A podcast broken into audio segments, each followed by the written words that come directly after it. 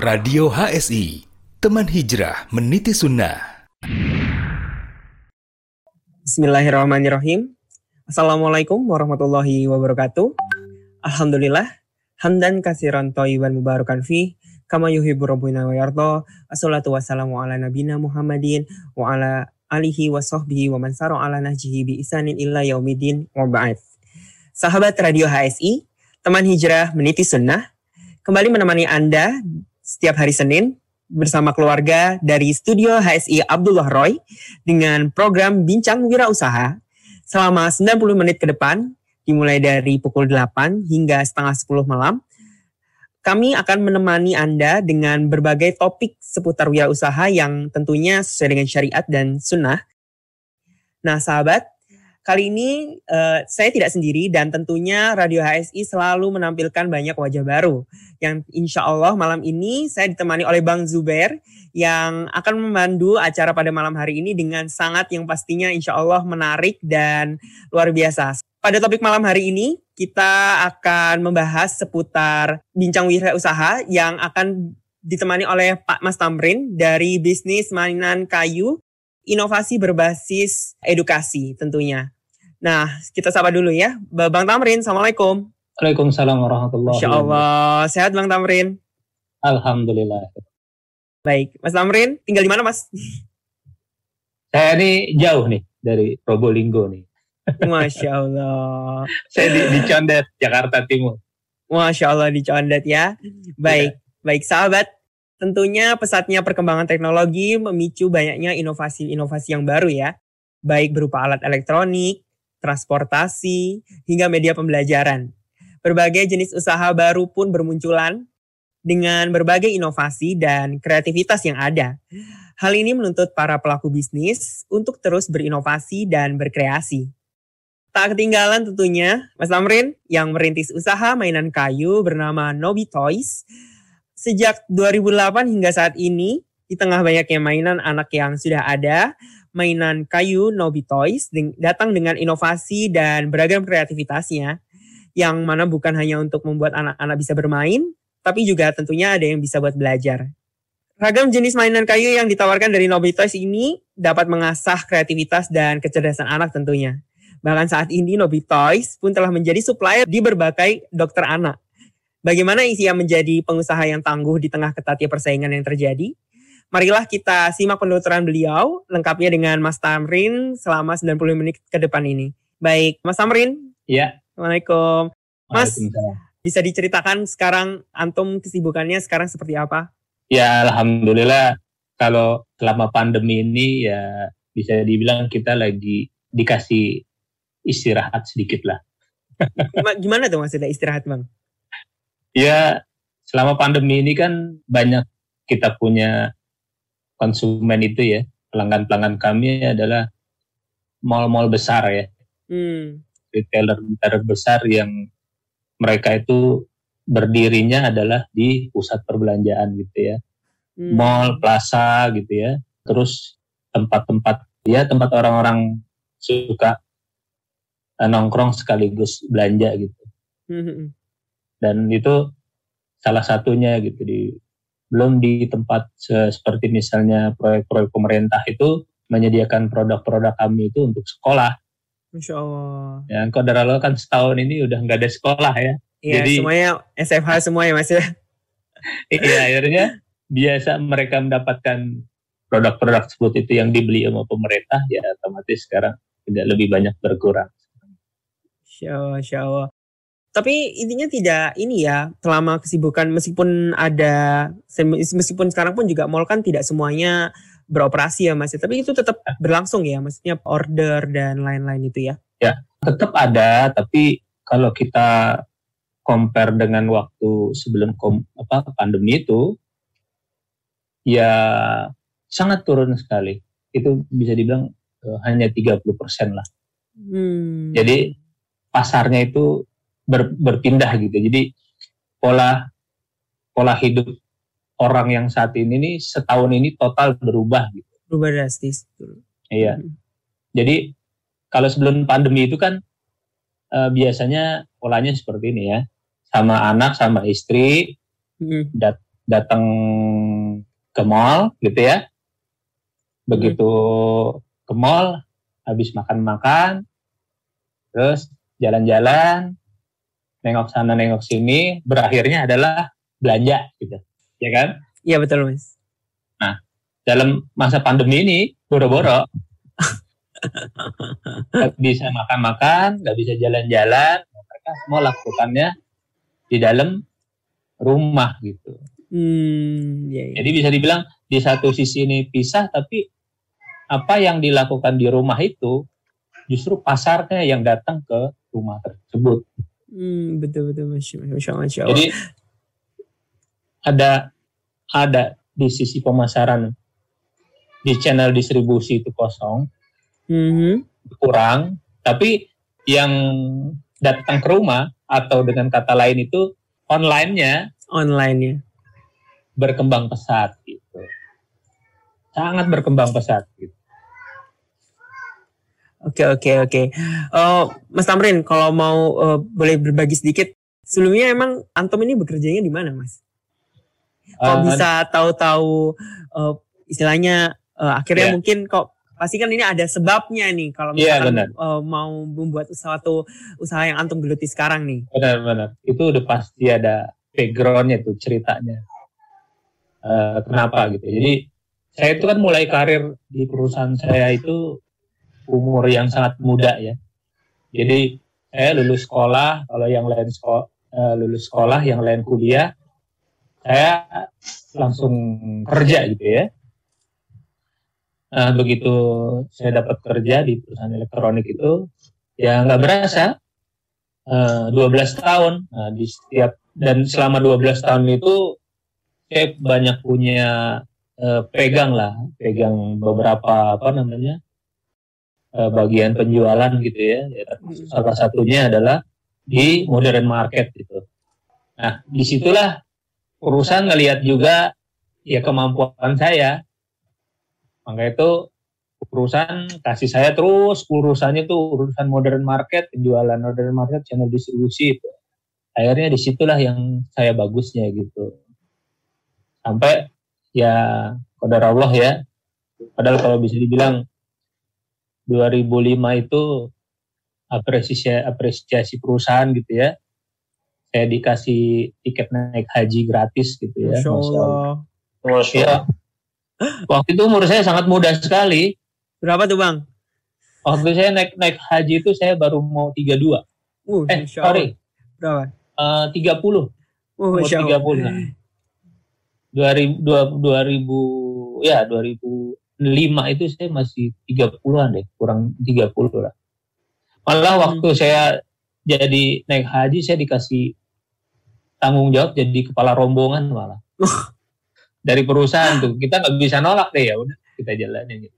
Iya iya bang. Tapi kadar Allah saya pikir wah ini udah kontrak mati nih sama perusahaan nih ya. Kita dikasih Iya. naik haji nih ya gitu ya. Eh nggak taunya 2008 ya itulah datang berita eh, karena beberapa pimpinan saya harus kembali ke Jepang kan. Hmm. Ya saya dulu agak sedikit gimana ya dengan pemimpin-pemimpin yang ada di perusahaan itu tuh mereka sering sering ngomongin masalah jenggot saya gitu. Ada pasti diungkit-ungkit gitu ya bang ya? dulu kan saya pakai jenggot gitu ya udah jenggotnya nggak banyak lagi gitu ya terus pakai jenggot segala kayak teroris loh kata bos saya gitu. Dia bilang, bos kita lihat kerjaan aja jangan lihat jenggotnya. Saya suka ngomong begitu. Tapi itu lagi dia omongin itu lagi dia omongin ah, tuh. Nah, ya kayaknya tuh 2008 itu dibikin aturan suatu aturan yang saya nggak bisa nolak. Saya bilang ya udahlah Hmm. kayaknya gue juga udah bosan kerja di sini lah. Udah berapa ceknya gitu kan? Ya Hmm. saya nggak di nggak banyak nawar, saya disadarin cek udah saya langsung cabut. Gitu. Jadi nggak banyak pikir panjang tuh. Bagi 12 tahun saya bilang gini, 12 tahun berakhir dengan cuman ya selembar cek itu aja lah. Gitu. Baik baik. Allah. Itulah ceri- ceritanya kerja 12 tahun ya seperti itulah. Allah. Mas Tamrin, ini Alhamdulillah sepertinya Bang Zubair sudah kembali bersama kita. Bang Zubair, Iya. Assalamualaikum. Waalaikumsalam warahmatullahi wabarakatuh. Ya alhamdulillah. Ini yang kita tunggu-tunggu. Oke, Bang Zuber, monggo antum ada yang mau disampaikan nih? Sepertinya insya Allah antum sudah punya banyak bayangan ini. Iya, Masya Allah. Kayaknya udah gatal bener ya. Assalamualaikum warahmatullahi wabarakatuh, Mas Tamrin. Waalaikumsalam ya? warahmatullahi wabarakatuh. Alhamdulillah. Ya, ya Afwan tadi agak agak terputus sinyalnya nih. Iya, Allah iya. udah, ada, udah ada perbincangan hangat kayaknya ya sama Mas Iya. Arsi ya. Iya. Udah rame tadi tuh mengingat masa lalu. Oh, Masya Allah. iya, dari umur yang muda sudah naik haji dan Iya. harus dipaksa untuk keluar ya. 12 Iya. tahun bukan waktu yang sedikit itu kayaknya. Nah itu dulu masa lalu Aneh tuh punya jenggot gak sebanyak antum. Eh, Kalau Iya, sebanyak iya, iya. antum tuh masa lalu itu lebih diperkarakan lagi tuh Aneh dulu. Oh iya, Masya Allah memang tahun-tahun 2008 itu tahun-tahun perjuangan itu ya. Ya, aduh, ya. Benar-benar ya waktu itu Ana belum kenal apa namanya sunnah ya. sunnah tapi ya udah ada nyerempet nyerempet dikit lah gitu lah. Man masih Iya, belum iya, tahu gitu. Iya iya. Beda beda, beda halnya kalau tahun-tahun zaman sekarang ya sunnah itu sudah sudah tersebar luas dan perusahaan-perusahaan besar itu itu Udah mereka paham, eh, gitu. lebih lebih apa lebih menghormati sekarang gitu ya. Iya. Ya nyambung nyambung ke omongan tadi pembicaraan antum dengan Mas Arcin ini ini agak-agak menarik gitu ya tentang keluarnya antum dari perusahaan Jepang itu ya. Terus setelah keluar nih, apa sih yang ngebuat antum bisa yakin itu yang pertama? Yang kedua kok apa sebelumnya sudah ada memang ah ini ancang-ancang mau begini nih kalau keluar nih. Itu gimana tuh eh, Pak Tamrin tuh, eh, Mas Tamrin? Pado, silakan. Ah kalau kalau denger masa itu tuh ya masa sedih banget gitu. Oh, masa-masa kesedihan ya. Masa kesedihan karena waktu itu Kodar Allah tuh kan bapak saya baru meninggal. Iya. Oh, Setelah iya. bapak bapak saya meninggal terus saya di PHK. Oh, Ya, terus rumah masih ngontrak. subhanallah. Itu ujian banget itu tuh. Nah. Perjuangan tuh. Anak dua. Oh, Masya Allah. Dua ya. Jadi tapi saya punya keyakinan waktu saya keluar tuh ini ada pintu rezeki di mana terbuka. Tapi aneh nggak tahu di mana. Udahlah kita jalani dulu gitu. Jadi ya aneh punya rasa amannya karena pegang duit. Eh, itu giro baru dicairin aja. Nah, subhanallah. Pokoknya yang ini nih kita bisa bertahan dari inilah kita nih gitu. Pokoknya saya berdoa, saya tuh banyak berdoa tuh pada Allah tuh, ya Allah, tolong jauhkan saya dari dunia kerjaan. Saya nggak mau Hmm. deket lagi sama dunia kerjaan. Karena di mana pun saya kerja, nanti endednya nih kayak gini lagi nih. Dan gue nggak mau. Oh, gitu ya. Ah, iya, endednya udah pasti kayak gitu. Betul. Karena kan Betul, betul. kita kan bisa dibilang itu ya ya aset yang bisa diganti gitu kan Iya. nah waktu setahun baru di PHK itu saya memutus hubungan semua sama teman-teman kerja saya tuh Oh, karena gitu ya. iya sengaja saya saya tutup kenapa Kenapa? Karena- Kenapa? Karena saya tahu kalau saya saya eh, kumpul lagi itu kan dunia mereka tuh masya Allah ya ya antum tahu dunia kerja kadang kalau kita selesai kita nongkrongnya di mana ya udah tahu Iya, lah iya, betul, betul, betul. terus ya terus kita ngapain lah kalau karaoke lagi lah iya kan Subhanallah, itu ujian dunia terus dunia terus kerja ya. begitu ah, begitu lagi lah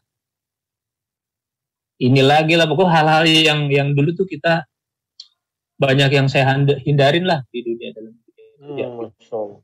terus dalam pertama awal-awal saya di PHK itu saya nggak mau ketemu teman-teman itu lagi terus saya nggak mau kerja kata istri saya lo mau ngapain ya pokoknya setiap hari saya dandan rapi Oh, gitu. pakai pakai sepatu apa gitu ya saya jalan cuman sampai jalanan saya cari masjid Oh, udah saya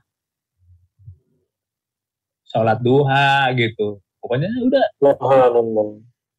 begitu aja dah saya baca Quran gitu ya Mohon maaf, Bu, kalau boleh dipotong. Keluarga besar, Hmm. tahu?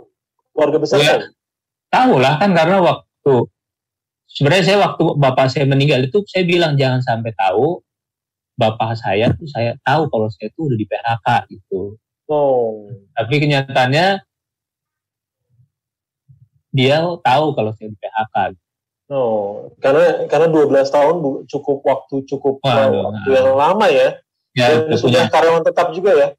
udah Oh, pu- punya jab- jabatan dan mo- mobil mewah dah saat itu. Oh, Allah, masya Allah. Ya, dasinya juga biasanya, dasi, dasinya juga panjang oh, biasanya itu agak goncang di keluarga ya, karena itu Wah. pastilah. Itu Iya, iya. benturan pertama kalau kita keluar dengan keadaan kerjaan yang sudah settle, itu Iya. pasti akan goncang. Itu pastilah. iya Gitu ya. iya Terus sampai Iya. antum harus nganggur Mm-mm. dan dan harus berusaha untuk saya keluar gitu dari rumah gitu ya. iya Setelah dari situ, setelah keluar, apa yang terjadi? Apakah antum bekerja di perusahaan lain atau antum langsung sesuai dengan eh, hari ini kita bincang wirausaha gitu ya, eh, langsung tercetus eh, hal ini atau ada apa nih? Kok bisa ngambil usaha eh, mainan kayu edukasi ini? Iya, jadi tadi eh, setelah saya pokoknya berhenti kerja gitu, ya, eh banyak kan tuh di udah eh, saya janji itu dalam hati saya ya Allah kan kalau saya udah di PHK nih, saya mau benar-benar ibadah saya dah. Gitu. Dulu kan kalau subuh saya tuh setengah tujuh, Oh, masya Allah. Subhanallah. kalau juhur saya menjelang asar, Oh, Terus, asal- pabrik begitu tuh. saya tuh asgrib tuh nggak pernah dengar asgrib nggak? Apa tuh? Asar menjelang maghrib. Subhanallah. Jadi terus kalau maghribnya ma isanya mah ma, amburadul lah gitu. Wow. Padahal udah haji tuh. Ya, masya Allah. Ada hikmah berarti antum keluar ya? Iya. Nah, waktu anda tuh berhenti kerja tuh kerjaan anda kan ngaji terus tuh. Oke ke masjid aja. Nah, Iya. suatu, suatu saat nggak tahu kodar Allah tuh ya. Anda datang pengajian di suatu masjid di pasar minggu. Oh, Pas masjid di pasar minggu ya? ya, Anda pakai celana masih celana jeans. Oh, gitu. begitu saya datang ke pengajian itu, ini aneh nih pengajian. Pada pakai cadar, pakai pakai pa- cadar semua nih. Aliran apa nih cadar gini nih, kan? Terus yang cowoknya sudah, uh jenggot panjang-panjang banget nih, Gila. nih deh. Ya apaan nih deh? Terus cingkrak-cingkrak semua gitu. Tapi karena nggak tahu kan, Tahun berapa itu? itu 2008 lah setelah 2008 ya? begitu saya duduk di depan majelis kajian itu pertama kali saya duduk di depan saya duduk paling depan begitu saya paling depan saya lihat ini ustadz nggak buka kitab kok selalu ngomong gini Qala Allah- taala fil Quran Qala qala Rasulullah sallallahu alaihi wasallam Nah, ini kayaknya Ustadz gue nggak pernah ngajarin begini nih ya. Nih Ustadz bagus nih saya bilang nih. Iya. Tapi saya belum kenal itu Ustadznya siapa gitu. Oh, masya Allah. Siapa kalau boleh tahu tuh? Takut salah tapi ingatan saya kalau nggak beliau lah gitu. Masih Oh, sekarang masih masih ada insya Allah Ustadz masih. Alhamdulillah masih ada ya. Terus pas selesai kajian, saya tuh tanya lagi, apa lagi Ustadz nih ngaji di sini? Oh ini bang, tiap hari ini sama hari ini. Nah jadi selama saya di PHK itu, habis di PHK, saya itu sibuk nulis jadwal kajian. Subhan. Masya Allah. Masya Allah. Itu kerjaan saya itu. Jadi itu belum mikir dagang bang. Jadi tiap hari itu berbalik Belum pikir dagang ya? belum pikir dagang. Pokoknya gue ngaji dulu gitu. Iya. Ngaji gitu. Ilmu dulu ya, Masya Allah. Coba dulu tuh kan banyak ilmu saya yang nggak benar tuh ya. Ya, Ya. Allah mungkin per- perbaiki di situ. Nah, Ya, Masya Allah. kenalnya saya dengan sama Ustadz Badrus Salam. Oh, Masya Allah. Terus saya pernah diomelin sama Abu Haidar Al Sundawi. Oh, masya Allah, aduh. Kita kenal baru. Ah, dulu kan dia masih kibar ya. kajian di ini kan. Terus baru kenal Ustadz Yazid, Saudara Abdul Hakim, gitu aja. Nah, setelah saya tuh nikmatin banget tuh ya pengajian, nah baru saya selipin-selipin gitu. Kalau misalnya kosong, dagang ah gitu. Nah, dagang saya seadanya aja. Ada tetangga saya punya mainan edukasi itu. Ya. Saya saya mulai ngemper deh tuh di Taman Mini. Oh, Hari di- Minggu Buka lapak gitu ya. Iya, pakai jas Oh. hujan. Oh, semang. Nah, udah. Saya jualan begitu aja. Terus ya tiap hari saya kerjaan itu, bola apa kajian, bola apa kajian, bola apa kajian. Udah nggak mikir buat macem-macem lah. Nah, Qadar Allah itu kira-kira tujuh bulanan lah dari di PHK. Alhamdulillah duit pensiun udah mau habis. Udah habis ya. mau habis. Masya Allah. Habis Terus ya kepi- udah mau habis, usaha ini belum kepikiran juga, usaha yang antum makan rintis ini. yang lagi dirintis itu sedang dikerjain cuman nggak apa namanya nggak ada sesuatu yang Masih belum yakin ya nih bisa bisa menghidupi apa enggak gitu ya. Atau, ya, masih asal ngejalanin aja nah, karena- gitu. Tapi udah antum buat sendiri atau antum join Belum, belum. teman? Belum ya? Ma- masih join sama temen aja ngambil gitu. Oh gitu. Sampai Nah, setelah- akhirnya antum mulai fokus untuk membuat sendiri mainan ini. Nah, Terus jadi dengan modal yang mau habis nih ya gitu ya. Itu, Iya. itu titik awalnya di mana nih untuk oh, kayaknya celah nah, usaha ini bagus nih gitu. jadi menariknya begini nih bang jadi kan kita pegal juga tuh ya ngemper begitu kan ya Ya, lumayan. Musuh, musuhnya dua lagi kalau nggak satpam mau preman Ya, pasti itu. amat lagi hujan Nah. Nah, Angkat-angkat ceritanya- barang buat jatuhnya. ribet deh pokoknya. Nah begitu deh mau habis, saya tetap berdoa sama Allah. Tapi ngajinya waktu belum asal ngaji doang gitu ya, belum. Iya. Tapi udah kenal lah Ustadz itu, cuman seru gitu.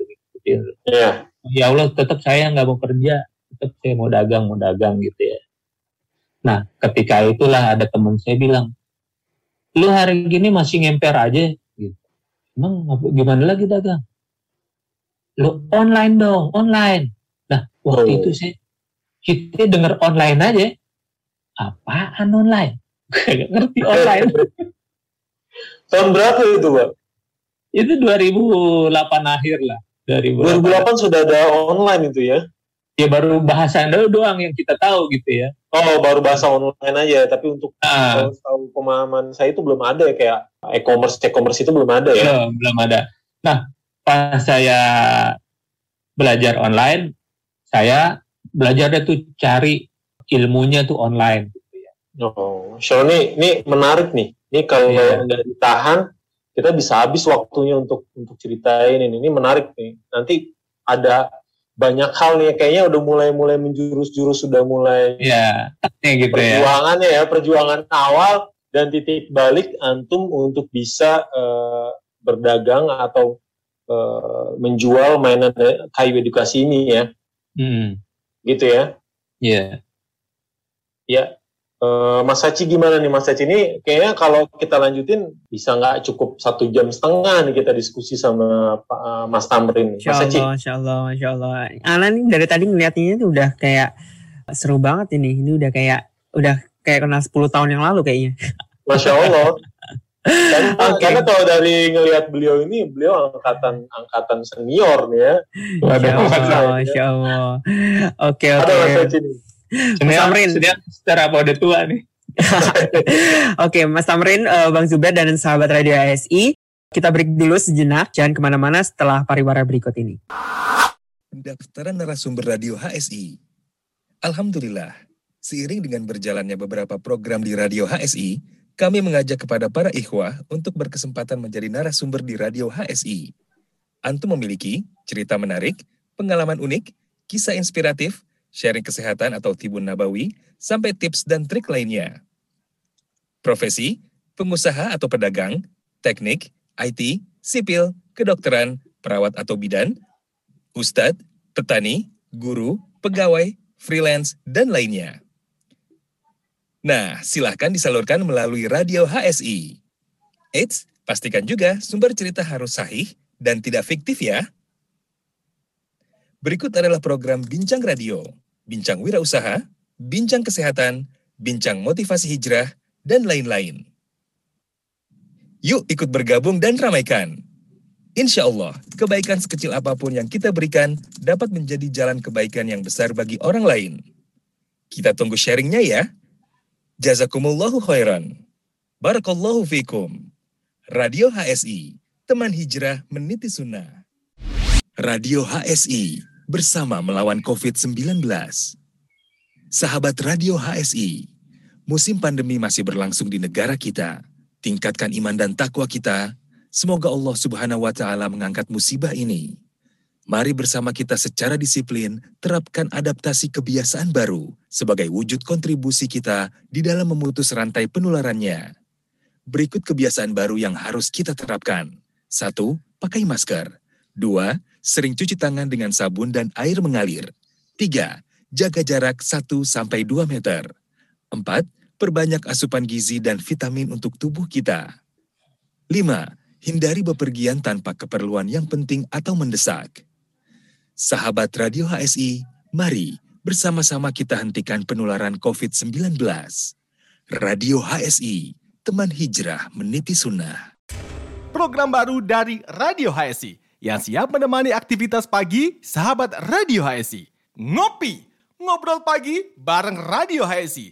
Seputar info cuaca, tips kesehatan, lifestyle, program radio, info kajian Ustadz Abdullah Roy, dan lain-lain.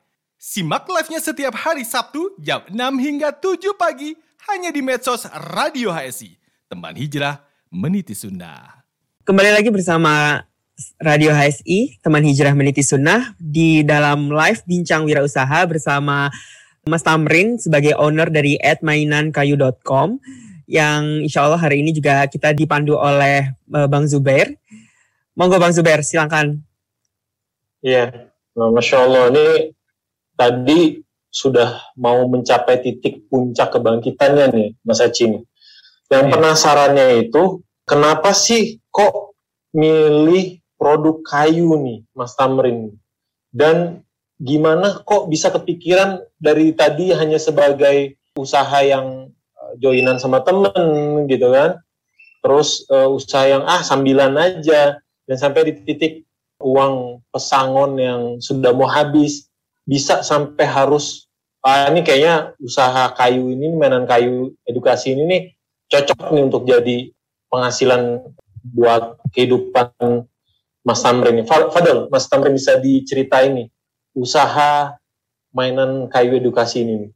Awalnya itu kan pertama itu kan dulu produknya itu yang bikin tetangga saya di Condet itu ya. Jadi awalnya dulu kenapa pilih mainan kayu ya? Jadi waktu saya berhenti kerja itu kan saya lebih banyak ya muter-muter aja lah. Begitu muter-muter datang ke pasar, keluar masuk pasar lah. Nah, di pasar itu tuh kalau di Jakarta itu ada namanya pasar gembrong ya. Oh gitu. Nah pernah tahu nggak tuh? Nah di situ tuh ada mainan gitu. Mainannya itu mainan kayu. Nah, terus saya emang waktu itu harganya mahal bener. Hmm. Saya beli deh tuh buat anak saya yang kedua gitu ya. Begitu saya beli, saya kasih anak saya. Udah tuh nggak berhenti main tuh tak tok tak tok tak tok tak tok tak tok. Nah, saya bilang pasti besok bosen nih gitu hari kedua tak tok tak tok tak tok ih belum bosan gitu ya terus mainannya nggak rusak rusak lagi hari ketiga keempat terus begitu aja tak tok tak tok tak tok tak tok tak tok tak tok tak tok gitu akhirnya kita kita tertarik ini anak kok suka banget ya mainan kayu ya gitu nah saya dari situlah coba cari gitu kan mainan tersebut eh nggak tahunya tetangga saya yang produksi terus dia yang jual gitu. Akhirnya ya udah kita jadi reseller aja gitu. Nah saya jadi resellernya dengan cara tadi uh, ngemper lah gitu. Sama beberapa saat saya ngemper sampai akhirnya ya tadi ada kata kuncinya kata teman saya hari gini masih ngemper belajar dong online gitu. Oh. Nah dulu belum ada Google Hmm. Belum ada ya mas. belum ada Zaman Google tahun berapa mas itu mas? 2008 itu Google belum 2008 belum ya. belum main Belum main kayak sekarang ya benar-benar. Nah, masih dari Yahoo Itu betul. akhirnya betul. saya saya cari Yahoo deh tuh Ya, Masya Allah. nah di Yahoo Nah, itu ya. Nah di Yahoo itu akhirnya saya diajak masuk grup dah tuh. Jadi Oh, ya. ya, Yahoo masuk ke Yahoo grup belajar online. Nah itu eh, bisa bayangin deh antum deh grup pakai Yahoo Mail udah gitu eh, ngebalesnya baca aja di email gitu. Jadi Masya Allah itu belajar susah banget deh nggak ada wifi ya belum ada jadi udah tiap hari gitu kita harus ke internet gitu buat membaca di grup lagi bahas apa nih kayak gitu Iya, ngeliat iya. iklan bererot itu ngebahas satu topik mengenai online gitu email udah nih yang menjawab siapa ya wah udah deh pusing banget Baik baik. Mas Tamrin, dulunya kan Antum ini kan bekerja di perusahaan elektronik tentunya. Ah. Yang tadi seperti anda uh, Antum ceritakan. Sebenarnya apa yang membuat Antum ini selain tadi ya memang lihat anak-anak itu memilih usaha Antum ini memang harus mainan dan uh, memang kenapa harus kayu yang dipilih padahal sebelumnya elektronik kenapa tidak membuat sesuatu yang ya istilahnya berbasis uh, kepada pengalaman Antum dulu waktu di Jepang seperti itu. ya jadi gini waktu waktu saya masih kerja itu kan saya banyak ikutin pelatihan pelatihan ya Mm-mm. ya yang dari almarhum ya antum kenal lah pembicara-pembicara yang hebat-hebat dulu itu Hmm. Kita kita pernah ikut deh banyak hal-hal yang saya ambil gitu. Hmm. dan saya komunikasikan dengan ilmu gaya-gaya Jepang gitu nah begitu saya keluar eh, ya saya coba pola berpikir yang lebih kerucut gitu ya Hmm. nah datanglah itu dengan tiga kata kunci yang saya Apa bikin itu? biar nah tiga kata kuncinya itu pertama low tech low teknologi teknologinya rendah Mm. Yang kedua modalnya rendah Hmm. yang ketiga adalah mobilisasinya bisa tinggi maksud mo- mobilisasi itu apa bisa mengerahkan orang banyak dalam membuatnya semacam Nah. membuat produk besar gitu atau bagaimana maksudnya mobilisasi? Jadi mobilisasi itu kita bisa mengerahkan banyak orang kampung untuk membuat produk tersebut. gitu. Hmm. Dari tiga kata kunci ini, produk mainan kayu itu sangat mewakili. Pertama, mainan kayu teknologinya sangat rendah. Dengan alat-alat sederhana kita bisa jadiin mainan kayu, ya. Iya, Betul kan? betul betul. Ya. Yang kedua, dengan modal yang rendah. Hmm. Dulu saya mulai mulai mulai bikin sendiri, itu modal saya nggak sampai 5 juta. Wow, Iya. udah sampai 5 juta ya, Mas? Sampai 5 juta saya bisa bisa mulai dengan alat-alat yang sederhana. Dan Baik. ketiga, saya bisa memobilisasi orang nggak pakai pakai requirement-nya harus umur sekian, pengalaman sekian, enggak. Dari orang nol saya ajarin dia bisa bikin main. Itu ya, itu uh, alasan termasuk alasan dasar ya kenapa Antum membuat ini. Kemudian Mas, Antum sudah membuat konsep nih. Oke lah, uh, saya harus membuat mainan dari kayu dan lain.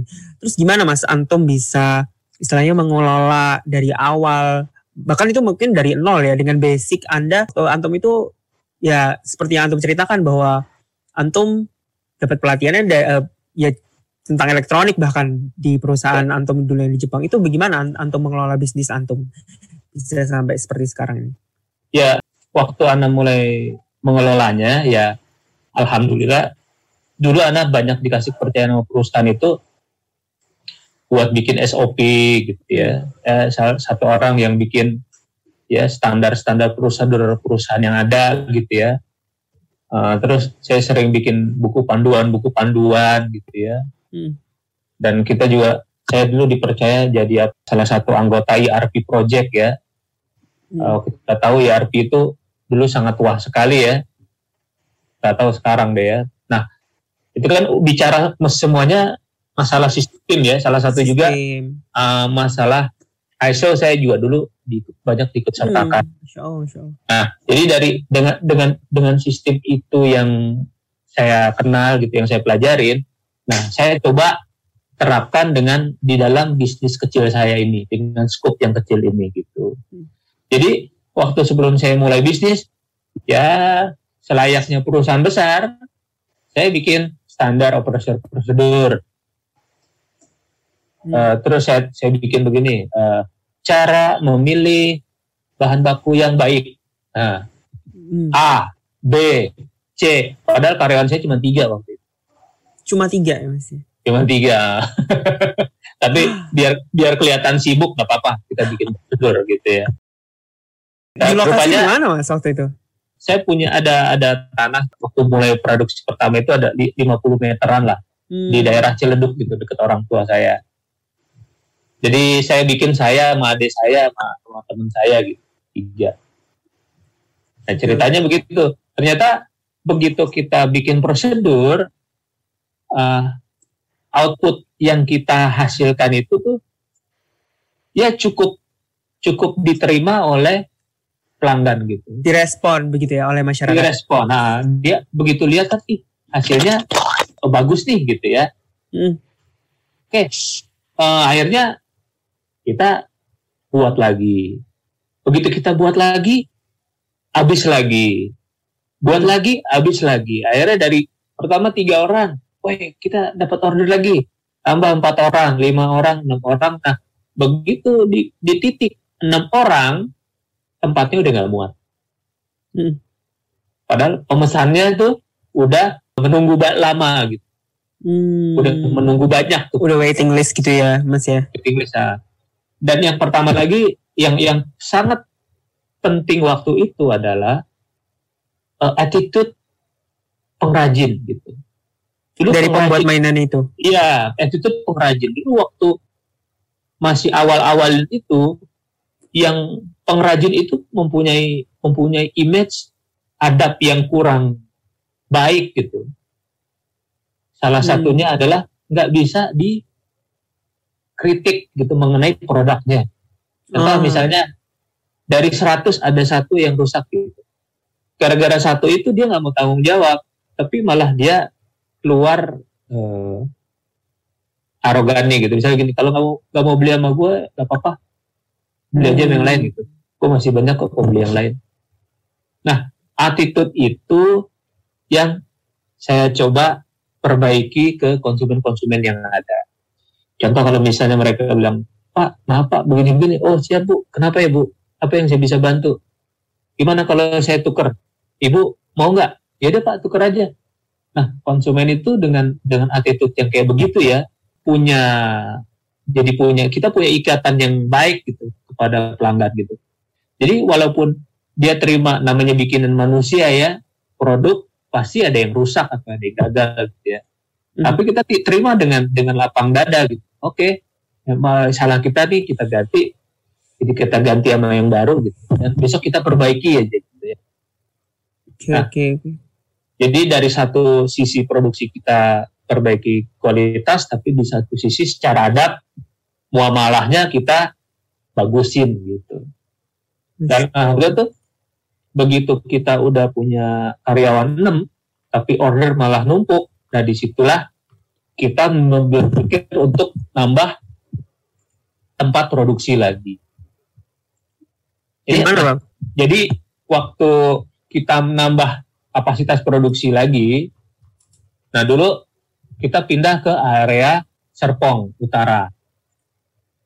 Nah, tapi alhamdulillah waktu itu tuh masalah riba itu kan belum turun ilmunya ke saya tuh. Jadi saya beli waktu itu pas dipakai institusi institusi riba gitu. Oke oke. Nah, al- alhamdulillah begitu jalannya berjalannya waktu setelah kita cari tanah yang lebih besar, karyawan bertambah gitu ya dari 6 saya bisa Hmm. bisa 40 gitu ya. Iya. Dan kita tambah tergantung sama bank gitu kan, bunga. Datanglah ilmu riba gitu. Alhamdulillah. Oke oke. Bang Zuber. Ya, Mas Arci. Oke. Aduh, Sorry, aku nih alhamdulillah. agak- agak-agak sinyalnya hilang-hilangan terus nih. Iya iya iya. Oke, Bang Ya. Tamrin. Ya.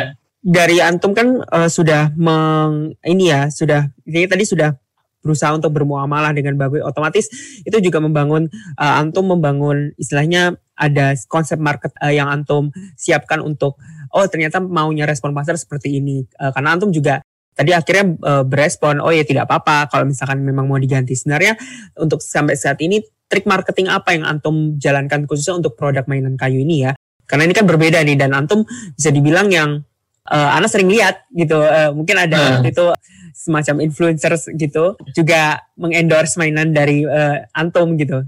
Iya, iya.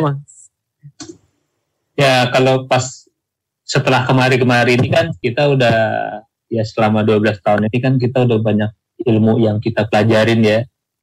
Nggak cuma adab aja, Betul, kita juga belajar muamalah, terus sampai akhirnya itu saya bilang nih saya mau bagusin lagi nih muamalah saya nih. Akhirnya saya ikut kursus-kursus singkat yang diadain oleh Ustadz Erwandi gitu kan Hmm, masya Allah, masya Allah. sampai akhirnya saya udah sampai selesai nih kursus. Saya tanya sama Ustadz Irwandi Ustadz Anda mau masih kurang ilmunya mau belajar lagi gimana?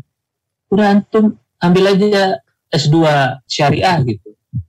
Nanti ketemu Ana di sana. Ya udah ikutin gitu. Eh, Masya Ah, Allah. akhirnya- sampai Ana tuh buat ngebagusin maksudnya biar menjaga diri Ana tuh dari hal-hal yang nggak boleh gitu loh dari sesuai agama. Ya.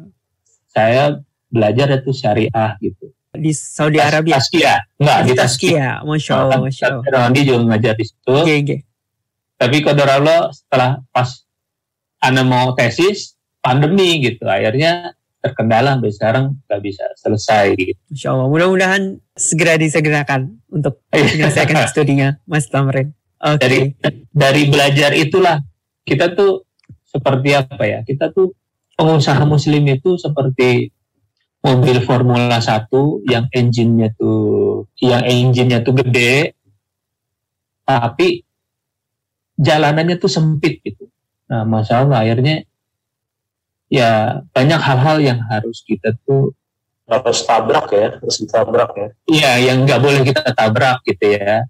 Apalagi kan kalau misalnya misalnya begini dari mana kita modal gitu ya. Kita kita udah tahu ini nggak boleh, ini nggak boleh. Terus kita Hmm. bikin produk ini nggak boleh, ini nggak boleh. Itu contoh misalnya kayak gini. Dulu saya desain mainan itu binatang lengkap itu matanya, mulutnya, Iya. hidungnya gitu ya Betul. ternyata di dalam kajiannya beliau ada hukum begini. Wah, Ustaz, yang benar nih Ustaz. Terus gimana? itu udah Ya. Udah pasti batin berperang Iya, kalau udah iya. kayak gitu. Kan gini ya, antum hapuslah. Akhirnya kita bikin mainan yang nggak ada mukanya. Oke. Terus banyak Ya, orang tanya, betul. ini apa nih kok zebra nggak ada mukanya? Tapi saya tanya, Bapak nggak ada muka aja udah tahu kan Pak itu zebra? Iya, apalagi anak-anak Pak. Gitu. Karena kalau saya kalau saya bicara mengenai agama, pasti banyak orang nggak bisa terima. Tapi contoh Iya saya bilang gini, nggak ada mukanya, Pasti. tapi saya bilang gini, saya bilang begini, itu faceless itu itu bagus buat perkembangan anak. Karena apa? Dengan faceless, anak itu bisa dia mengimajinasi ini binatangnya lagi senyum, lagi gembira, atau lagi sedih, itu dia bisa gambarkan oleh anak. Nah, setelah kita gambarin begitu, orang tua baru terima.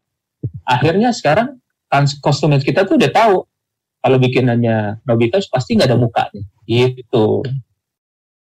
Baik. Ya, itu butuh butuh perjuangan untuk Mas Tamrin ya memberitahu customer ya terkait dengan kita kita nggak mungkin juga mengajukan dalil dengan mereka gitu ya. Iya. ya nggak ngerti mereka dalil. tapi dengan cara ya betul tapi dengan cara yang logika masuk di akal nah ini kan butuh Iya. satu pemahaman dengan timnya Mas Tamrin gitu loh nah ini pengelolaannya bagaimana nih ke teman-teman ke SDM yang eh, menjadi karyawan gitu kan terus Iya. dengan larangan-larangan syariat kita, apa nih yang bisa antum berikan ke teman-teman karyawan ataupun pemahaman kepada customer nih, Mas Tamrin? Fadol. Ini menarik nih kalau Ya, kalau ini. kalau cara saya bagaimana kita kasih pemahaman itu ke, ke karyawan itu sebenarnya lebih enak gitu. Karena kita kan punya power ya. Ya kalau mau ikut silakan, nggak mau ikut ya cari yang lain gitu kan. Kalau sama karyawan lebih lebih mudah gitu buat kita. Ya tentunya dengan cara yang baik lah ya. Ya, betul. Nah di satu sisi saya cari tim itu ya yang memang pemahaman yang sama dengan kita gitu. Iya, iya, iya, iya. Penting banget itu. Ya sama gitu misalnya. Terus, saya, saya punya desainer gitu ya. Desainer itu dia dulu jagonya itu bikin foto makhluk hidup. oh, subhanallah. Wah itu pada Allah dia belajar juga tuh. Begitu belajar dia nggak bisa tidur tuh. Oh, subhanallah. Terbayang itu, itu terbayang-terbayang banget ya. Iya. Dia akhirnya dia bilang, Mas, Nah, Mas, akhirnya gue mau berhenti deh Mas. Kenapa gue kagak kuat nih bikin begini-begini. Ya udah, lu jangan khawatir. akhirnya kita komporin tuh, lu jangan khawatir. Pokoknya oh, ada aja jalan. Dan sampai sekarang, alhamdulillah dia tuh yang eh, jadi desainer saya. Oh, Masya Allah. Jadi Ya, kalau jadi- dia udah tahu dia kalau dapat kerjaan, Iya.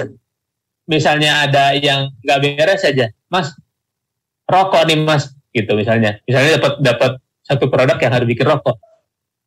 Oh, rokok ya Gus, rokok Mas, tinggal, tinggal Mas. Bismillah tinggal lah. Gitu. ini, ini menarik nih. Jadi dia ngejagain saya, saya jagain dia. Gitu. Banyak sih produk-produk itu. Ada salah satu produk rokok itu mau kasih order gitu ya. Pas saya kasih lihat, Gus, ini, Mas, ini ya nih Mas, arah Mas. Oh iya iya, gimana Gus? Tinggal Gus? Ya udah tinggal gitu. Jadi Iya, kita iya. kita selektif kita udah minggir minggir dengan ilmu yang kita dapat selektif banget dah buat apa namanya dapetin konsumennya juga tuh kita selektif bener Iya, Masya Allah.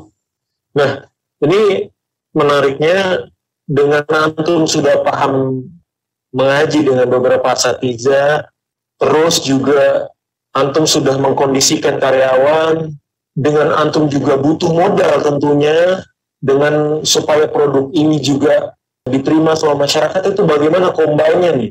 Modal produk dengan karyawan yang sudah mengenal sunnah antum harus menolak kerjaan yang yang menurut antum wah ini nggak beres gitu kan. Nah, ini kan pasti bertentangan banget nih Mas Tamrin nih tuh gimana tuh combine-nya tuh? Ya satu hal sih ya pengalaman saya ya. Kita harus harus yakin ya bahwa kita tuh akan dikumpulkan bersama orang-orang yang yang sejenis gitu. Jadi ya kita ya masya Allah masya Allah. mau sesuai mau, mau sesuai yang mana nih gitu. Alhamdulillah dengan dengan saya punya apa eh, kita jalanin prinsipnya kita gitu ya dengan yang tadi saya bilang gitu. Ya yang datang ke kita itu alhamdulillah yang begitu-begitu gitu. Maksudnya yang sesuai dengan kita gitu. Iya. Kita datang nih negosiasi nih orang gimana ya lihat chat WA gitu ya. Begitu datang nggak taunya eh, jenggotan canci kerang bilang alhamdulillah sejenis jadi kebanyakan itu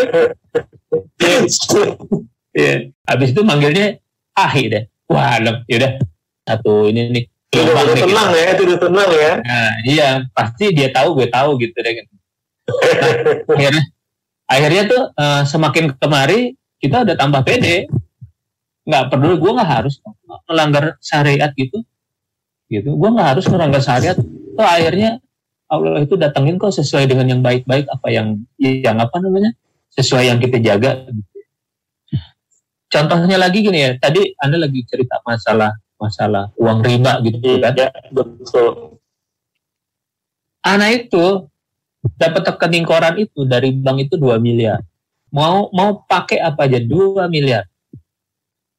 Tapi begitu ilmu ilmu ribanya datang, ya kita taruh semuanya itu. Walaupun dalam hati saya bilang gini, kita nggak ada nggak ada duit lagi tanpa backup tank.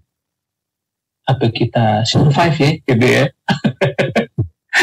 itu itu dulu kita berpikir kayak gitu apa kita bisa survive dengan orang yang betul. ba- banyak sebanyak begini ya dulu waktu saya berhentiin riba orang karyawan saya itu hampir 200 orang 200 orang lebih Uh, Masya Allah, 200 orang ya. iya Itu gimana itu manajerialnya itu? ya itu saya pede aja itu kan gimana eh, antum mengatur itu semua? Ya, antum melepas 2 miliar ya, setelah antum tahu riba gitu ya. Dengan Ya. 200 karyawan yang antum Ya. harus pertahankan, iya yang juga antum harus perkejakan mereka, itu bagaimana cara antum manajerial itu semua gitu. Itu agak pusing mumet gitu ya dengan dengan itu tapi Allah tolong. Nah, itu gimana Mas Amrin itu? Masya Allah tuh. yang yang paling banyak itu ya tadi yang paling saya ingat tuh ya itu. Kita banyakin berdoa tuh mau banyakin ya beramal gitu ya soleh lah kita kerjain gitu. Karena saya punya keyakinan gitu saya punya keyakinan ya sepinter-pinternya kita gitu ya sejago-jagonya kita gitu ya mau kita belajar di mana gitu. Tapi kalau Allah punya kehendaknya beda ya hasilnya pun akan Ya, Masya Allah. beda gitu. Jadi udah begitu kita nggak nggak punya uang modal itu, yuk saya lebih banyak berserah diri aja.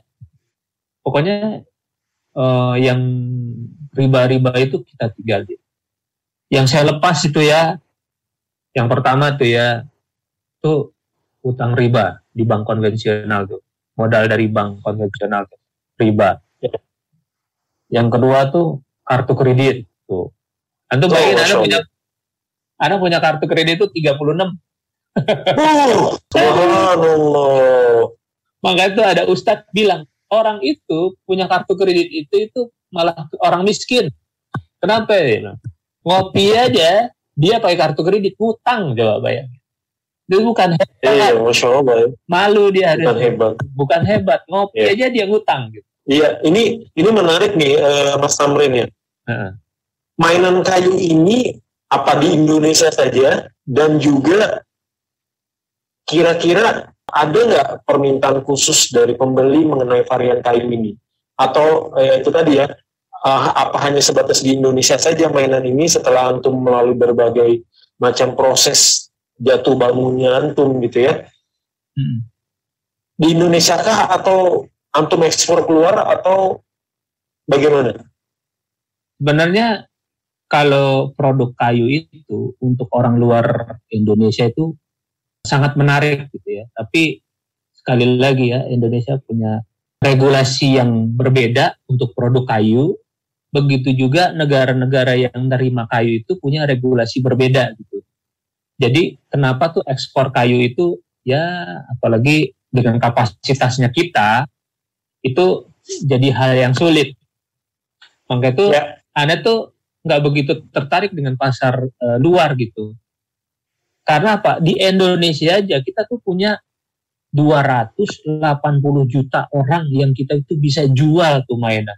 Kita nggak nggak Oh, perlu lihat gitu ya. nggak nggak perlu lihat 280 jutanya, tapi cukup kita lihat pangsa pasarnya itu yang beli mainan itu umur 3 sampai 6 tahun tuh yang mainan kayu ya. Nah, Ya, dari betul. pas, bas- dari pasar 3 sampai 6 tahun itu aja itu kebutuhan mainannya itu bisa tuh bisa ya. Bisa tuh 6, 6 juta sampai 7 juta piece per tahun gitu. Per tahun ya, 9 juta Per piece ya? tahun. 6 Masya sampai 7 juta Allah. piece per tahun. Nah, padahal itu baru bicara Hmm. Indonesia. Padahal produksi Iya. kita dalam setahun kayak saya aja begini nih ya, kayak saya aja nih, kita aja paling sebulan itu 10 ribu piece. Nah kalau setahun paling cuman 120 ribu piece. Coba kita bandingin tuh dengan tadi yang 7 Iya. juta. Mau berapa pengrajin itu kita kumpulin Iya. untuk memenuhi Oh, Allah. kebutuhan yang ada. Masih masih sedikit gitu. Cuman ya tadi ya banyak hal yang harus para pengrajin perbaiki ya dalam Iya. banyak hal ya untuk dalam bisa jual produk tersebut gitu. Iya, iya. Kira-kira begitu. Oke.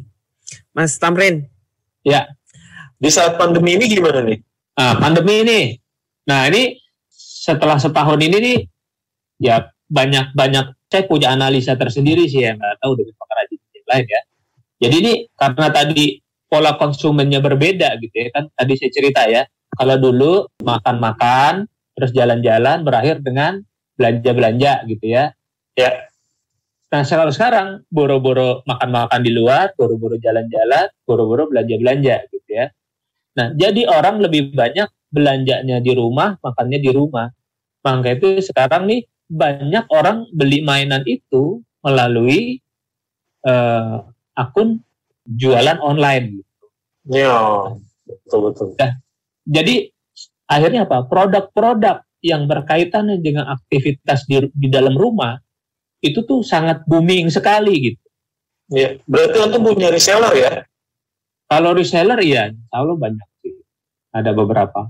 Cuman memang so, mereka uh, di masa pandemi ini juga resellernya tetap ya untuk di pandemi uh, masa pandemi ini untuk mainan kayu antum ya? Iya. Ya, memang juga tipikal pola persaingannya pun berubah, uh, tipe barangnya pun berubah gitu ya. Terus pangsa pasarnya pun berubah. Gitu. Pokoknya bisa dibilang beginilah, ada beberapa ahli bilang dalam masa pandemi ini, ini merusak semua pattern-pattern marketing yang yang ada gitu, dan penjualan yang ada gitu. Jadi oh, bisa dibilang ya kita kita pedagang itu terombang ambing ini sebenarnya larinya ke mana nih jualannya nih gitu.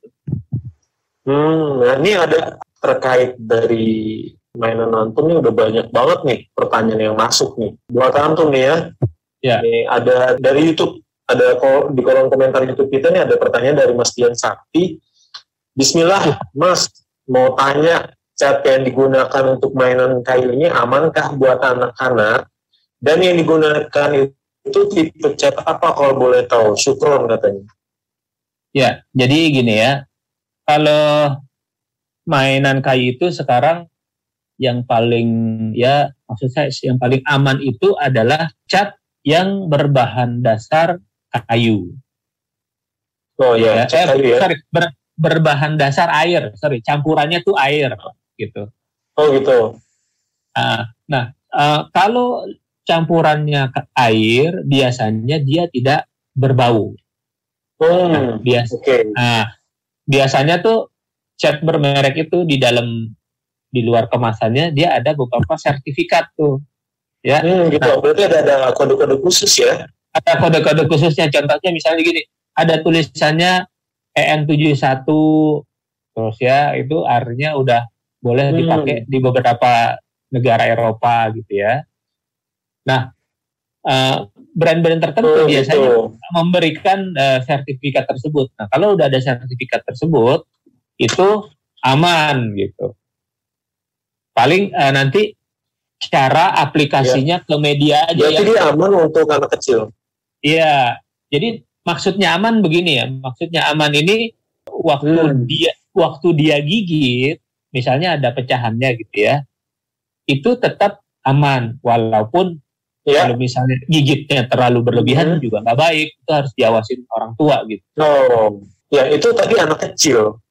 Uh. Untuk anak bayi juga apa ada kode khusus atau tipe produk tertentu juga apakah aman untuk balita tadi anak kecil ya mas ya apakah ada ya. khusus untuk bayi atau gimana mas jadi sebenarnya standar nasional Indonesia itu atau SNI ya atau juga ya. disebut dengan ISO 8124 gitu ya itu dia ada klasifikasinya jadi anak hmm. itu ada 0 sampai 1 terus 1 sampai 3 dan 3 tahun ke atas gitu ya Nah, kalau iya. yang tadi tiga tahun ke bawah itu regulasinya makin ketat gitu. Tapi hmm. SNI yang saya pakai itu yang tiga tahun ke atas gitu. Jadi kalau yang tiga tahun ke atas itu uh, ada regulasinya tapi tidak seketat yang tiga tahun ke bawah karena tiga tahun ke bawah itu biasanya mereka masih melakukan oral gitu ya artinya masih suka gigit-gigit ya, betul. gitu ya. Ya betul betul betul betul. Oh, jadi memang memang itu berbeda-beda ya antara anak tiga tahun ke bawah dengan anak tiga yeah. tahun ke atas karena tentunya dengan perkembangan mereka juga ya kadang-kadang yeah. suka ditelan gitu ya. Nah, Hmm. Ada nggak? Ini ada ini ada pertanyaan yang agak-agak lumayan ngejelimet nih Mas nih. Biasanya ini ini dari dari Ibu Hamida nih. Ibu Hamida bertanya berapa lama biasanya proses pembuatan dari mainan kayu tersebut? Itu yang pertama. Yang kedua, mainan apa nih yang paling rumit saat proses pembuatannya? Jika sesuai kita dengan kaidah syariat kita nih, itu berapa lama dan apa yang paling rumit buat mainannya? Kalau bikin berapa lama tuh ya, ada mainan itu yang nggak ada dua menit udah jadi, gitu. Mau oh, dua, dua menit ya? Iya. Tinggal potong amplas jadi. Itu contohnya misalnya gitu. Ini. Oh ada contohnya. Ini. Udah, oh, masya Allah. ini begini, ya. begini doang ini ya apa namanya? Udah udah mainan gitu. Ini iya betul ada, betul betul. Gak ada dua menit jadi gitu.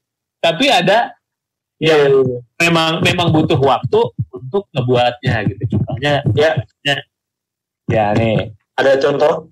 Oh, masya Allah. Ini timbangan timbangan badut namanya. Jadi kalau misalnya dibalikin Nah, gitu. Oh, timbangan badut ya? Ya, gitu. Ini lama bikinnya. Tapi kalau bicara mainan apa oh. yang yang paling rumit sejauh ini kita oh, itu. berapa hari itu? Belum belum pernah kita lihat yang sangat rumit sih. Tapi belum biasa aja gitu. Karena kan namanya gini ya, mainan itu oh, gitu ya. waktu kita udah mau mulai mass production, hmm, okay, waktu kita okay, mau mulai okay. mass production itu kan kita nggak bicara satu orang saya doang yang bikin kan, tapi saya harus koordinasikan gitu sama bagian bahan gimana, sama bagian uh, pemotongan gimana, sama bagian pengamplasan yeah. gimana, terus dengan bagian uh, pengecetan gimana, dengan bagian sablon gimana gitu ya. Nah itu eh, contoh misalnya ini bisa kelihatan deh. Hmm, kelihatan Nah, bisa dilihat di sini kan? Ya kelihatan. Oh masya Allah. Kelihatan. Itu antum ya yang buat ya? Iya. Antum bisa lihat. Saya punya domba ada ada wajahnya. kelihatan nggak dombanya? Benar-benar kelihatan. Uh, semua, oh, semua masya Allah. Ya, masya Allah. Ini tuh mas. Ini ini flamingo ya, ya. Nah ini ini bukan bango ya, ini flamingo. Bisa bisa lihat tampilan uh, wajahnya, terus gajahnya gimana. Nah kita waktu kita bikin ini dulu itu semuanya ya. hidup. Saya bikin hidup semua artinya ya dulu belum ngerti ilmunya. Saya mata matanya. uh, saya bikin mirip tapi sekarang ya, betul. walaupun nggak ada mulutnya nggak ada ya, matanya betul nggak ada ini tapi orang udah tahu oh itu pasti domba.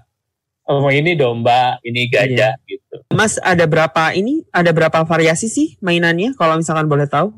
Dari semua yang dibuat sama mas Tamrin kalau yang produk yang saya bikin terus saya jual sendiri itu ada empat ratusan 400 lebih. Oh, ya. Itu uh, variasi ya, maksudnya? Iya, jenis. Jenis ya, baik-baik. Ya itu banyak juga item yang saya nggak boleh kasih lihat gitu, karena ada konsumen-konsumen saya gitu punya ada yang namanya declaration, kagak ya. boleh tunjukin ke ke orang lain kalau itu buatan saya gitu.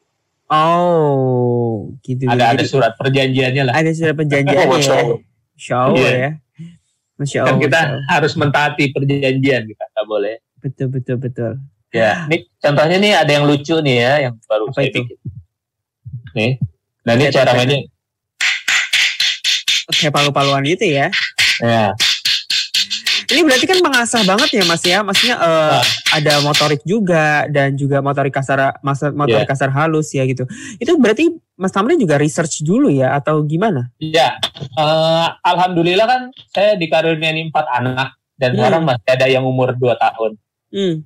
Nah dia sumber inspirasi saya. Wow, insya Allah. Jadi kalau ada mainan baru kita coba dulu. Dia suka nggak? Begitu dia suka, ah besok bikin gitu. Kalau misalnya anaknya udah gede gimana mas? Maksudnya kalau anaknya udah gede gimana nanti? Aduh jangan mancing-mancing dong.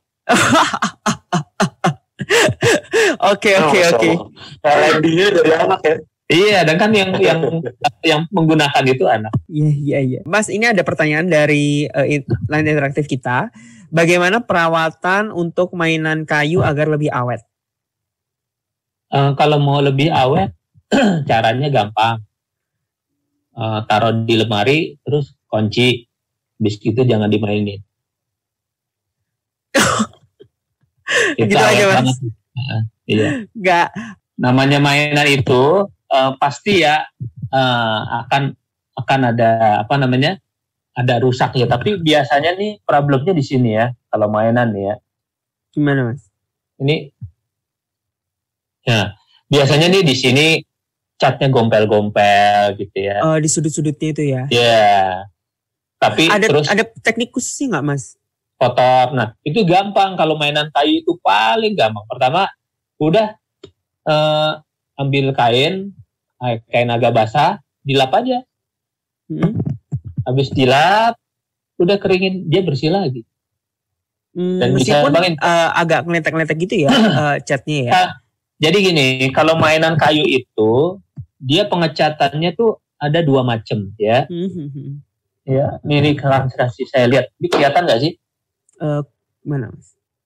ini kelihatan ya Kelihatan, sorry. kelihatan, kelihatan. kurang kurang biar yang terang ya Boleh, boleh, boleh. ini Oke. ini namanya eh, pengecatannya namanya wood stain wood stain Wood itu stain. jadi serat kayunya masih kelihatan kelihatan nggak serat kayunya Oke, oke.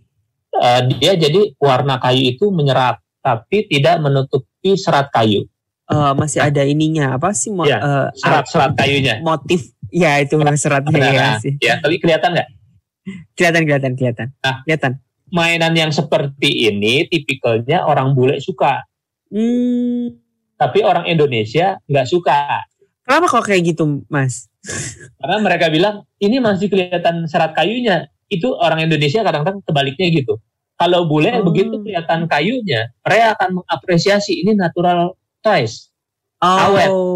Gitu. Iya, iya benar Tapi- ya. sekarang selama pandemi ini kelas kelas orang di ekonomi A sama B itu mereka beli mainannya kayak begini. Makanya itu sekarang kalau misalnya eh, mainan mahal itu, contohnya yang saya pegang ini ini namanya Hmm, eh, apa kelihatan nggak ya? Oke. ini. Ini mainan, Ah, ini kan sebutannya large step pyramid. Oke. Jadi kalau barang impor itu sampai di Indonesia harganya sampai 3,8 juta satu 38 set. juta. Wow. Iya. Masya Allah. Nah, padahal kalau kita jual bikinan lokal Hmm. itu hanya 800 sampai 900 ribu. Satu set Hmm, itu. Masya Allah. Harga paling murah yang dari eh, mainankayu.com ini eh, berapa, Mas?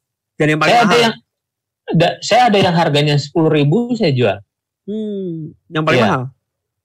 Yang paling mahal. Hmm. Yang saat ini tercatat ada ada satu TK Islam di BSD itu ya, nggak boleh nyebutin ya. Iya. dia dia itu beli beli satu unit mainan itu harganya itu hampir 16 juta. Ih, Masya Allah. Masya Allah Iya. ya. Ya, Meskipun ke ke internasional ya, maksudnya eh, Mas Tamrin pasti juga kirim ke internasional kan ini? Maksudnya Iya. ke luar negeri gitu ya? kalau kalau kalau secara banyak nggak bisa regulasinya sangat susah. Oh, Negara-negara tujuan tuh sangat susah. Baik, Sampai baik. kita kita misalnya mau kirim ke Arab Saudi aja agak susah gitu. Malaysia, Singapura, Filipina mereka punya punya regulasi yang ketat gitu buat eh, buat produk-produk kayu. Baik, baik. Karena ini menyambung dari pertanyaan dari sahabat kita, Mas, dari Ah. Ibu Muhammad, gimana sih caranya jadi reseller? Nah, ini menyambung tadi ekspor dan impor tentunya. Iya, iya.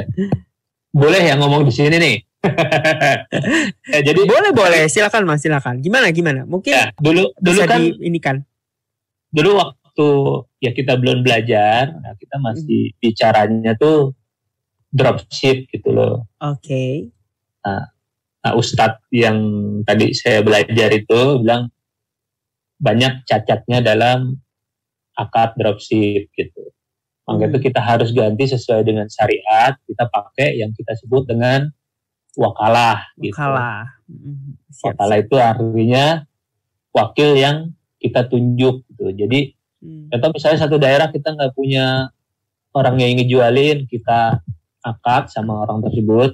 Hmm. Kita bilang ya udah saya angkat kamu wakil di daerah ini untuk jualin barang saya dengan kom- dengan komisi sekian gitu. Kira-kira Oke. begitu. Jadi jadi kita dari pengrajin yang sekarang ya cuman kita sih yang pakai yang namanya wakala. Yang lainnya dengan masih syariat itu ya mas ya. Iya, yang lain masih pakai tetap bah- bahasa yang dropship itu. Dropship itu. Oke oke oke. Oke, mungkin ada tipsnya mungkin mau kalau mau daftar jadi reseller eh, gimana gitu. Ya, kalau mau datang reseller untuk detailnya bisa datang ke website saya www.mainankayu.com. Nanti di situ ada kita punya tim yang bantu gimana caranya bisa bisa jual eh, produk-produk kita gitu. Oke, siap siap. Iya. Mas Mas Tamrin terakhir mungkin Ya. sebelum kita closing, tolong bisa di mungkin tips ya lebih ke tips bagaimana cara antum untuk eh, terutama untuk sahabat-sahabat radio HSI, bagaimana tips untuk ya kalau bisa dibilang membangun usaha seperti yang antum tadi ceritakan dari awal sampai akhir untuk leb- misalnya sambil berhijrah juga tentunya. Kalau Iya. misalkan memang dari membangun usaha dari nol yang sesuai dengan syariat tentunya belajar masalah muamalahnya juga. Kemudian yang kedua tips bagaimana cara itu yang satu pertama. Yang kedua tips bagaimana cara em, tentunya di tengah pandemi ini ya kita tidak memungkiri banyak sekali teman-teman dan sahabat-sahabat dari radio HSI yang terdampak dari pandemi ini usahanya atau mungkin pekerjaannya dan itu bagaimana agar bisa menjaga dan tetap istilahnya kita bilang berprasangka baik terhadap Allah tentunya. Iya. Monggo Mas Tamrin. Ya, saya jalanin selama itu, yang selama ini pertama kita harus benar-benar yakin gitu bahwa Allah tuh ya eh, nggak mungkin itu membuat makhluknya itu hambanya itu susah gitu. Yang kita perlu lakukan adalah bagaimana kita men- eh, memperbaiki diri kita sendiri gitu. Hmm. Kan Allah pernah berkatakan kalau nggak salah apa yang menimpa kita itu karena perbuatan kita sendiri gitu. Nah maka itu ya kita sebagai manusia tempatnya lupa sama dosa, banyak kita sering beristighfar gitu ya. Ya kita tahu em, salahnya kita mungkin dosa-dosa kita di masa lalu. Ya dengan itu mungkin Allah akan bantu kita dan memberikan jalan keluar yang terbaik buat kita. Di samping itu ya terus kita tuh eh, menyempurnakan ikhtiar kita gitu ya. Hmm. Ya dengan dengan ilmu sales dan marketing yang kita ada gitu ya. Terus dengan ilmu agama yang kita punya yaitu kita benar-benar pakai dan kita harus harus yakin gitu bahwa itu adalah jalan yang terbaik. Nggak boleh goyang-goyang deh. Karena soalnya kalau kita goyang-goyang tuh ya akhirnya ya kita jadi apa ya? Jadi ragu sendiri gitu dengan apa yang kita Hmm. kerjain sekarang gitu. Ya itu dua tips saya sih. Pertama tadi eh, harus harus yakin. Yang kedua ya menyempurnakan ikhtiar. Meskipun di tengah pandemi seperti ini ya, Ya Mas Tamrin. potensi tetap ada kok. Potensi tetap ada. Baik. Iya. Baik. Terima kasih Mas Tamrin. Alhamdulillah kita sudah 90 menit belajar dari Mas Tamrin tentunya dengan segala perjuangan yang Mas Tamrin lakukan. Mudah-mudahan studinya juga cepat selesai Mas Tamrin. Amin amin. Semoga waktu dan ilmu yang tadi kita dapatkan dari Mas Tamrin sendiri dan juga untuk semua sahabat Radio HSI bisa bermanfaat dan tentunya Bang Zuber terima kasih sudah menemani saya malam hari ini di Bincang Wirausaha yang insya Allah ke depannya nanti kita akan bertemu lagi ya Mas Tamrin dan Bang Zuber Insyaallah, di waktu amin. yang lebih baik lagi di waktu yang insya Allah lebih bisa kita bisa bersua lebih lama lagi tentunya dan juga insya Allah izinkan saya untuk mohon maaf atas segala kekurangan yang dari tim Radio ASI dan mungkin dari saya dan Bang Zuber selaku host pada malam hari ini untuk untuk Rajis, membawakan ini mungkin masih ada yang kurang dan kilaf. Jangan lupa teman-teman kalau misalkan teman-teman ingin tahu lebih lanjut lagi seputar produk yang dibuat oleh Mas Tamrin bisa langsung mengunjungi di @mainankayu.com ya Mas Tamrin. Ya. Ya. Dan juga eh, insya Allah tayangan ini kita simpan untuk Anda di platform kita di Spotify dan juga uh, di Apple Podcast juga ada dan juga tentunya di YouTube dan di website kita di www.hsi.com. Jangan lupa untuk mensubscribe channel YouTube kita di Radio HSI agar sahabat juga tidak ketinggalan dengan program-program yang kita tampilkan setiap hari Senin, Rabu, da, Ahad dan Sabtu tentunya. Saya Archie Arman dan rekan saya Bang Zubair, mewakili dari narasumber dan jajaran tim Radio HSI, pamit undur diri. Terima kasih untuk sahabat Radio HSI yang sudah setia menemani kita selama 90 menit ini mendengarkan hingga akhir dan kita tutup semuanya dengan doa kafaratul majelis. Subhanakallahumma wa bihamdika asyhadu alla ilaha illa anta astaghfiruka wa atubu ilaih. Assalamualaikum warahmatullahi wabarakatuh. Radio HSI, teman hijrah meniti sunnah. Radio HSI teman hijrah meniti sunnah.